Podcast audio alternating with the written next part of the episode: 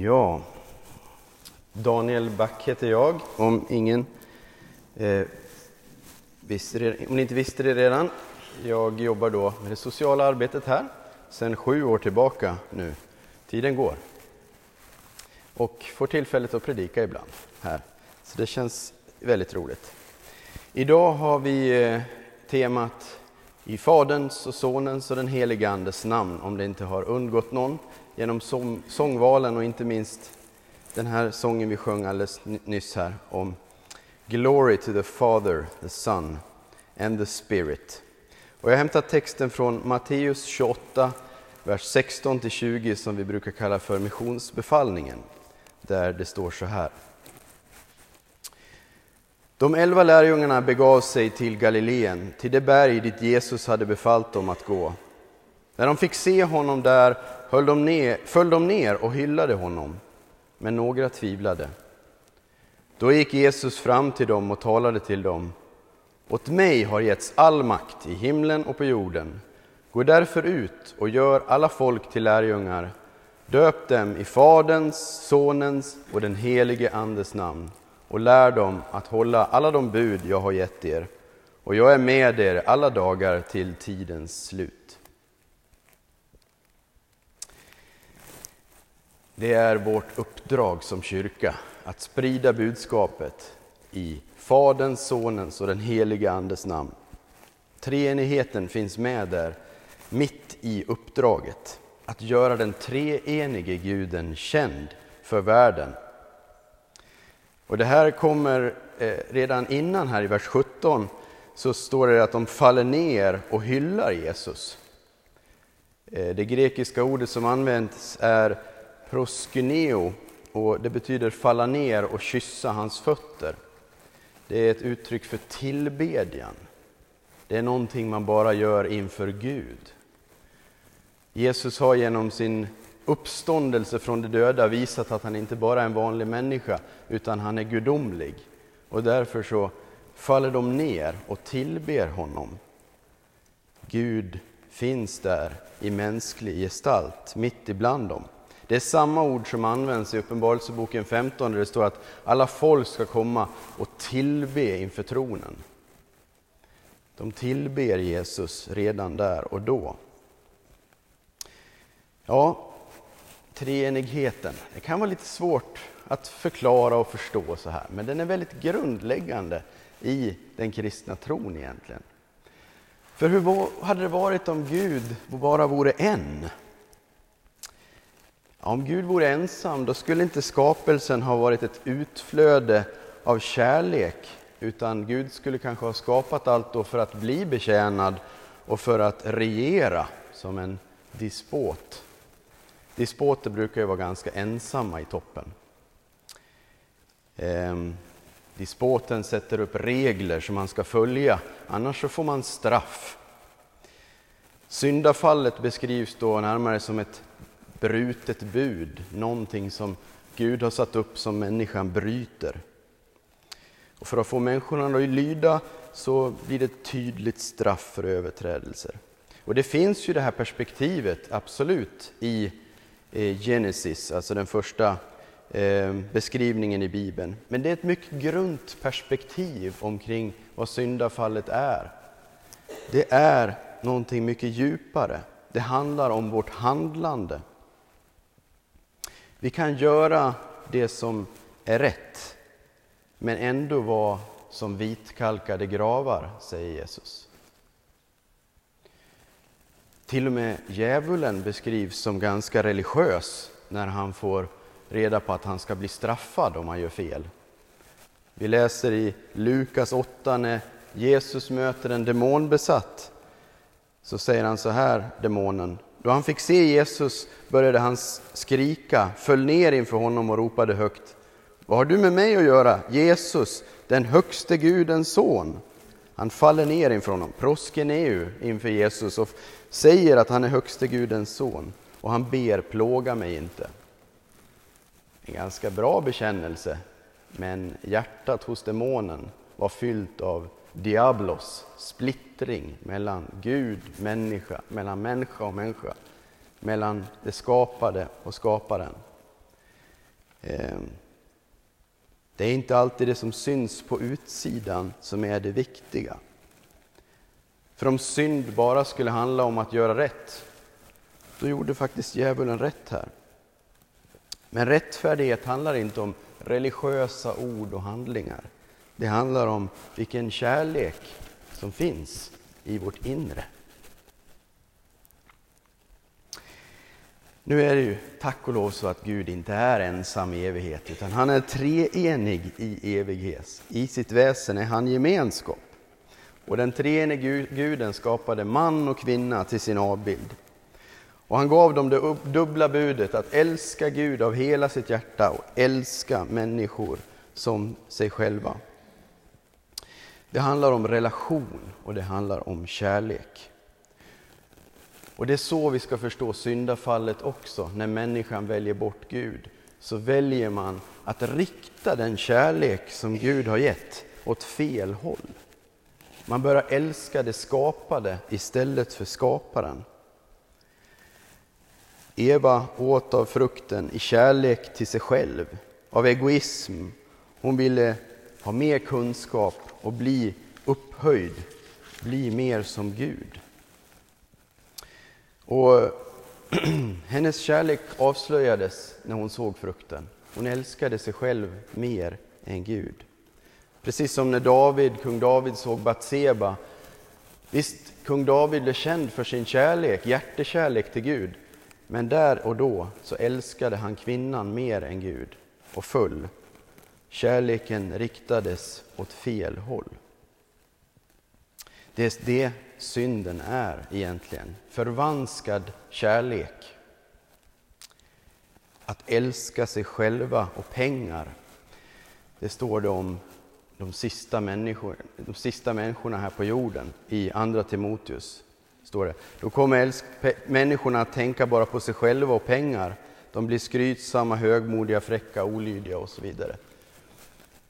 Man riktar sin kärlek till någonting annat. Man är fortfarande älskande, men man älskar på fel sätt. Inte som Gud har tänkt.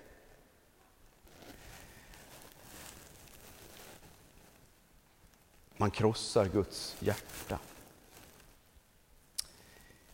Och här skulle ju Gud kunna börja hata människan. Är det någon som vet hur det är att få sitt hjärta krossat? Det är jobbigt. Någon som sviker.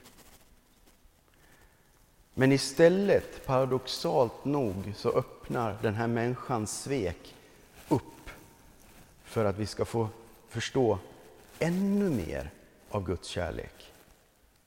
Människans svek leder till att vi ska få se ännu mer in i treenighetens liv. För så här står det i första Johannes 4. Så uppenbarades Guds kärlek för oss.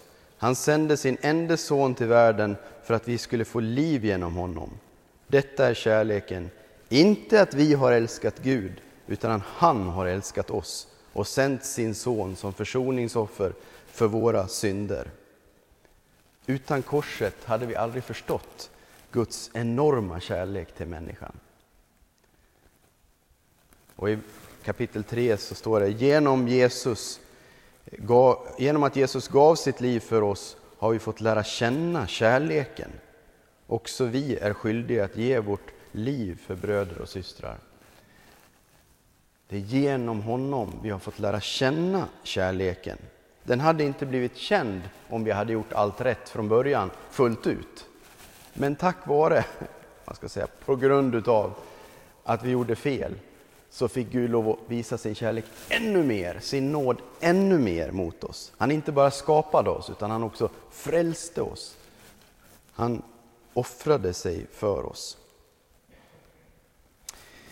Men varför sände egentligen Fadern sin enda son till oss? Ja, för att han älskar oss naturligtvis. Men det är någonting mer, faktiskt. Något ännu mer grundläggande som vi får ta del av i Jesu förbön i Johannes 17, 25-26 så säger faktiskt Jesus så här. Rättfärdige Fader, världen känner dig inte, men jag känner dig. Och de har förstått att du har sänt mig. Jag har gjort ditt namn känt för dem och de ska göra det känt för att den kärlek som du har älskat mig med ska vara i dem och jag i dem. Fadern sände absolut sonen för att frälsa världen, men han sände också sonen för att visa vem han själv är. Att visa världen, sån här är Gud. Gud är Fader, Son och Ande. Han är kärlek. Han är inte långt borta, han är nära. Det är också budskapet. Inte bara frälsning, utan också uppenbarelse om vem Gud är. Det här skiljer sig starkt från andra religioner som pratar om en bok från Gud, där man ska få lära känna Gud genom en bok. Och visst kan man läsa Bibeln och få kunskap om Gud. Men när Johannes beskriver ordet så beskriver han Jesus Kristus. Ordet var hos Gud, ordet var Gud. Ordet blev boende hos er. Jesus Kristus är ordet. Vi kan läsa om honom, men vi kan också lära känna honom som person. Vi kan lära känna Gud personligt genom en relation med Gud genom Jesus Kristus. Det är någonting annat än att bara ha en bok och läsa om någonting. Eller hur? Man tycker man lär känna någon när man läser en biografi, men det är något annat att träffa personen i fråga och få ställa sina frågor direkt. Den treenige guden talar till oss genom Sonen. Och den kärlek som Fadern har till Sonen är tillgänglig för oss genom den helige Ande.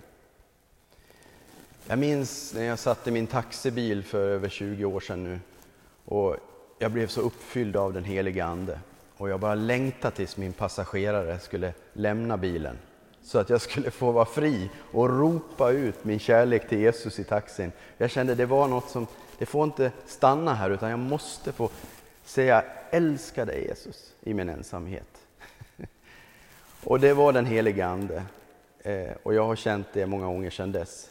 Men det finns en, någonting som också förvandlar vårt hjärta i relationen till Jesus Kristus. Jesus vill visa oss Fadern, men Anden vill visa oss Sonen. Och när vi fylls av den heliga Ande så fylls vi av Faderns kärlek till Sonen och då älskar vi Jesus. Det är ett bra tecken. Är jag kristen eller inte? Älskar jag Jesus? Älskar jag Jesus? Vill jag höra namnet Jesus? Vill jag att han ska bli upphöjd? Vill jag att han ska bli efterföljd? Det är som att Fadern sänder sin son, precis som en förälder vill visa eh, hur duktiga barnen är. Ni vet alla föräldrar som ska ta upp sina telefoner och visa Titta vad fint, vad duktig han är och vad duktig hon är och titta vad bra det har gått nu med, med studenten och så här. De är stolta över sina söner och döttrar. På samma sätt vill fadern visa upp sonen. Kolla, han sänder honom. Titta vad vackert det är. Sån här är jag. Det här är min familj, kolla vad fin den är. Och det här är uppdraget vi har fått också att visa upp Guds familj, så att säga. Att visa upp Guds treenighet, hans ljuvliga enhet och kärlek. Och där gemenskap finns som är sann, där tror jag att den treenige guden också trivs och visar sig. Man känner det ibland här nere i kaféet, den här äkta gemenskapen som kan komma, där man är sann och ärlig och uppmuntrande och kärleksfull då tror jag att Gud äras. Jag tror att hans treenighet, den gemenskap han själv är, äras i den stunden. Men där splittring finns, där osämja är, där trivs djävulen, den som sliter isär. Det är så vi känner igen Guds rike. Guds rike är där Gud regerar, basileia, Guds regerande. Och där Gud regerar, där råder enhet ömsesidighet, generositet, glädje, frid, rättfärdighet.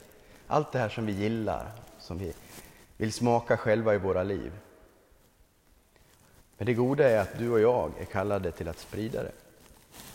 Och bemyndigade att föra anden vidare, så att säga. Den här elden som vill spridas av treenig kärlek.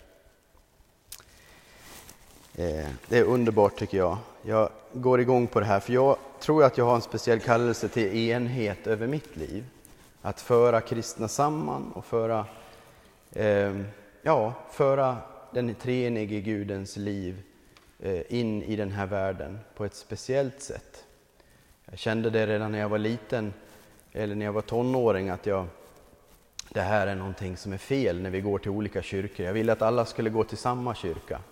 Jag tror jag sagt det här förut, men jag skrev ett brev till alla ungdomar och la i deras postlådor där jag skrev ett schema att här ska vi gå på gudstjänst. Vi ska inte gå till olika, utan vi går till olika kyrkor tillsammans nu. Och så undertecknar jag med Jesus. Det var lite naivt, men jag tror att det låg någonting i det. Jesus vill inte att vi ska vara uppdelade egentligen. Vi får ju inte alla plats i templet, även om det finns lite mer utrymme här just idag. Men eh, jag tror att Gud, Guds hjärta klappar för enhet och att vi ska vara generösa mot varandra i stor utsträckning. Och jag hoppas att vi ska få växa i det och jag tycker att vi är på en god väg här, inte minst i vårt arbete eh, sociala här när vi har många olika samarbetspartners inblandade och där vi är generösa och ser det goda tillsammans. Eh, men också i mitt eget liv, i mina relationer med släkt och vänner. Sök enhet, sök gemenskap. Låt det vara snart till försoning, förlåtelse. Det är ett uppdrag i sig. Amen. Vi tackar dig Herre för att du inte är en ensam Gud som sitter och bedömer oss på avstånd utan du är närvarande och livgivande kärlek. Och inte bara en kärlek till ordet utan en kärlek i verklighet. En sann relation från evighet av gudomlig, underbar kärlek som vi får ta del utav Herre. Och vi önskar mer utav den i våra liv. Så fyll oss helige Ande med Faderns kärlek till Sonen just nu så vi får älska Jesus mer i våra liv och sprida den kärleken vidare där vi går fram. I Jesu namn. Amen.